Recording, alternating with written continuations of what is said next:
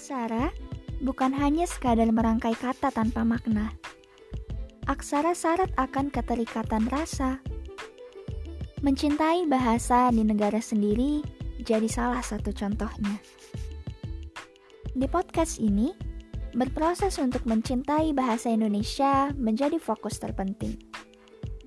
Untuk itu, mari berproses bersama untuk memberi rasa pada aksara di podcast Rasaksara.